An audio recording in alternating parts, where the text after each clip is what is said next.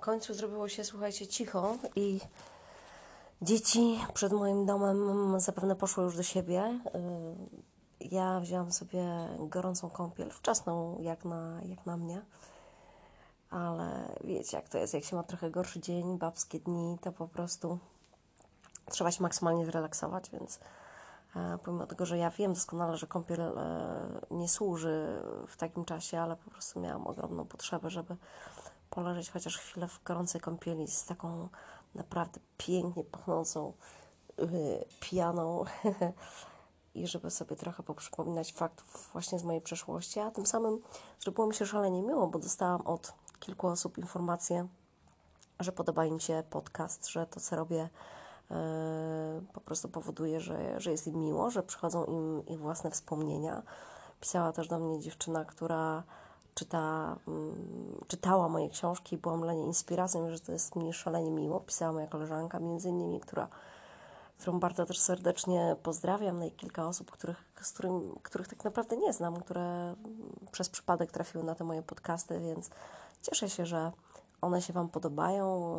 Ja wiem, że one są takie trochę przekrótkie, ale ja chyba tak wolę nagrywać. Wolę nagrywać częściej i wolę, żeby one były krótsze. E, żeby to miało chyba formę, formę trochę takiego dziennika wspomnień, coś, coś w tym stylu. E, na czym to skończyłyśmy? Na czym to skończyłyśmy, moje drogie? No skończyłyśmy właśnie, e, skończyłyśmy na tym, jak zostałam poczęstowana jednym z najlepszych śniadań w moim życiu, a w tamtym okresie, kiedy byłam taka bardzo młoda, zdecydowanie to było najlepsze śniadanie, jakie mi było dane jeść. Najsmaczniejsze na świecie szampan, którego nie za bardzo lubię, truskawki, no trochę, trochę bardziej lubię, ale okej, okay. ale to połączenie generalnie mnie nie fascynuje w jakiś tam żaden specjalny sposób. No i oczywiście bułka, którą uwielbiam z Mama Louise, to jest taki ser, skąd ten Mama, Mama Louise, Fakunda pracował w, w, agencji reklamowej DDB, która właśnie prezentowała tego klienta, więc był chyba na tyle wierny swojemu klientowi, że zamiast mi zrobić z serkiem na przykład Philadelphia, zrobił mi z Mama Louise, więc y, tym oto sposobem poznałam połączenie chociażby serka Mama Louise z czymś słodkim, y, albo z marmoladą właśnie truskawkową, albo z samą truskawką i szampanem. Okazuje się, że to jest jedno z takich y, bardzo przyjemnych uniesień dla podniebienia. Rzeczywiście zgadzam się, tak, tak też było. No ale właśnie, potem to się sporo rzeczy pozmieniało, bo pomimo tego, że absolutnie tej nocy między nami nic się nie wydarzyło, każdy z nas spał w swoim pokoju i widać, że widać i słychać było, że się po prostu kręciliśmy w jedną i w drugą stronę. On nie mógł spać, ja nie mogłam spać. To to, to śniadanie tak naprawdę było taką, takim momentem, które który spowodował, że powinnam była pomyśleć o tym, żeby zerwać po prostu moją relację z moim e, chłopakiem, bo nie czułam się uczciwa. Natomiast wcale to nie było, słuchajcie, takie proste, dlatego że facet, y, mężczyzna, z którym byłam, na którym mi szalenie zależało, zresztą to będzie osobna historia, y, zresztą widzę, że wspominam o tym dosyć często, y, to tak naprawdę nie, nie był uchwytny, nie wiedziałam, gdzie go znaleźć. Mogłam dzwonić do miejsca, w którym wiedziałam, że jest w Francji, E, ale nie zawsze dało się go złapać. Mogłam dzwonić do jego rodziców. To generalnie to było jeszcze rzadziej, e, to było w ogóle generalnie jeszcze rzadziej do uzyskania, jakby mniej do uzyskania aniżeli, aniżeli kontakt z Francją, z tego względu, że on się bardzo rzadko kontaktował z rodzicami. Więc tak naprawdę no nie wiedziałam za bardzo, co zrobić.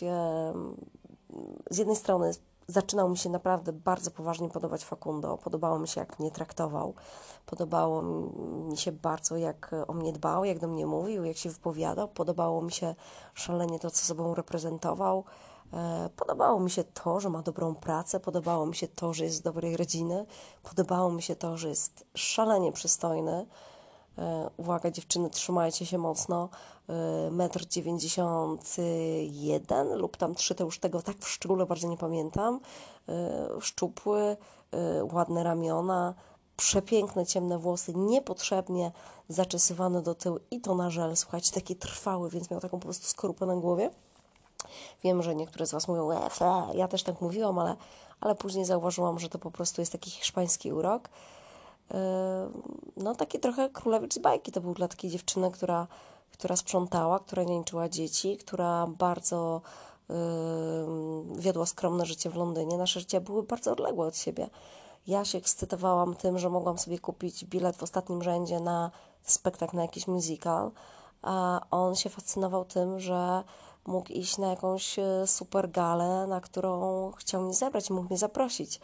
Więc to były zupełnie dwa inne światy. Ja się cieszyłam, że mogłam wydać e, swojego czasu. Miałam taką przygodę z McDonaldem ostatniego Mm, funta na cheeseburgera, o którym marzyłam, a on się cieszył, jak mógł iść do tajskiej restauracji w Londynie Blue Elephant, jak mógł dostać tam po prostu stolik, bo głównie czekało się, przeważnie czekało się na, na stolik w tej restauracji Blue Elephant, taka ekskluzywna tajska restauracja w Londynie, około kilku miesięcy, więc mieliśmy zupełnie inne, inne potrzeby.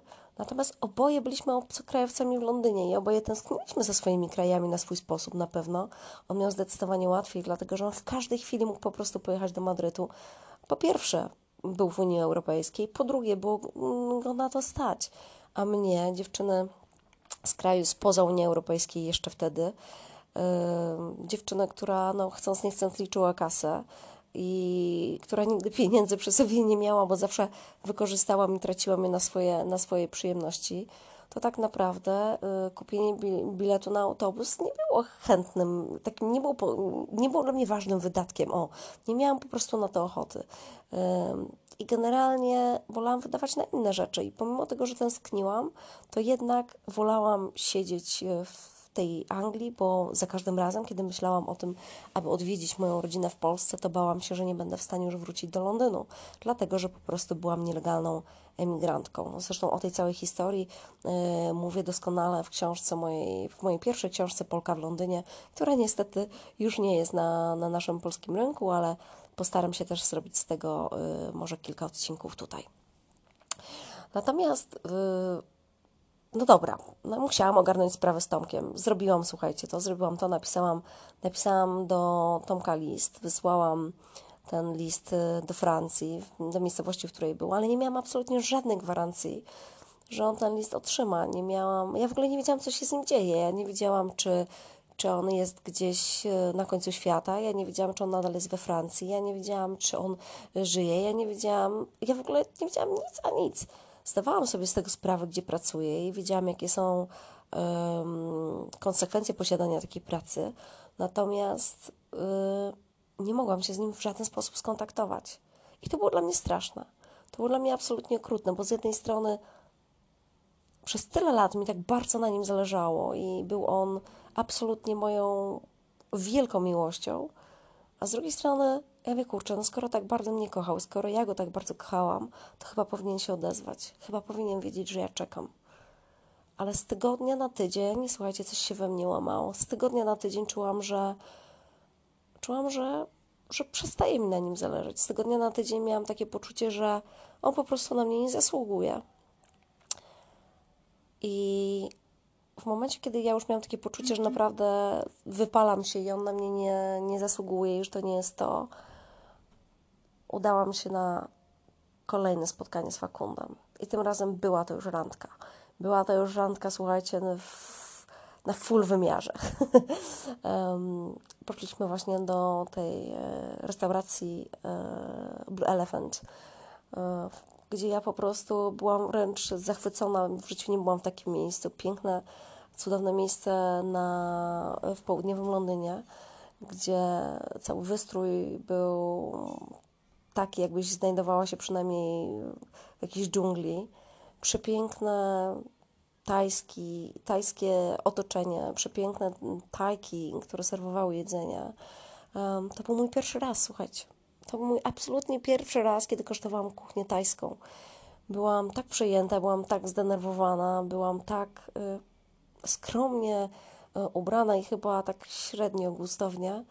Um, a on siedział wpatrzony we mnie, niezgasitelnie ubrany. E, pamiętam do dziś, że uwielbiał nosić e, błękitne koszule, w których naprawdę genialnie się prezentował. E, a ja też się starałam ładnie wyglądać. Pamiętam, że miałam jeansy jak to ja i chyba, i chyba to było takie fapa. I miałam na sobie czarny sweterek z taką lekką, błyszczącą nitką Moje włosy już zdecydowanie odrastały, aczkolwiek nadal wyglądam jak chłopczyca o, o bardzo wątłej budowie, ale ogromnie wielkich oczach, zawsze, zawsze brązowych.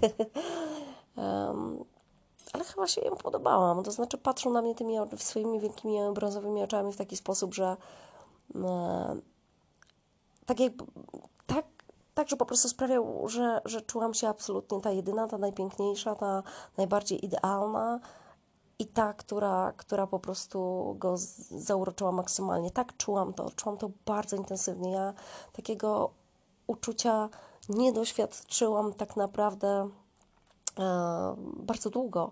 Doświadczyłam to uczucie oczywiście z Tomaszem, natomiast tak miałam mały kontakt z Tomkiem i Nikły w, w tych ostatnich miesiącach, nawet roku mogę powiedzieć, że po prostu to było zupełnie naturalne, że pewne rzeczy z mojej strony mm, umierały śmiercią naturalną, a tutaj z drugiej strony miałam kogoś, komu na mnie bardzo zależało. No i stało się, słuchajcie, ta, te ostre wszystkie przyprawy w tajskiej kuchni, e, te pikantne e, dodatki spowodowały, że ta noc również była pikantna e, że była to na pewno jedna z bardziej niezapomnianych nocy w moim życiu. No nie będę tutaj tego ukrywała. Czy było tak, jak mi się wydawało, jakbym sobie w ogóle wymarzyła? Pozwólcie, że zostawię to dla siebie. Um, takich intymnych szczegółów w tym podcaście nie będę sprzedawać. Natomiast e, kolejne śniadanie, jak już się obudziłam e, obok niego, zdecydowanie było późniejsze. e, zdecydowanie nie było ono o godzinie 10 ani 11, tylko przerodziło się w, po prostu w brunch. I już wtedy wiedziałam, że, że to jest to, że to jest facet, który mi się podoba, z którym chcę być. To jest e, facet, który powoduje, że czuję się kochana. E, I to było naprawdę fantastyczne uczucie. Tylko, że musiałam coś z tym zrobić, bo generalnie ja nie chciałam tylko i wyłącznie spotykać się z nim po to, żeby spędzać intymny czas i mieć z nim seks.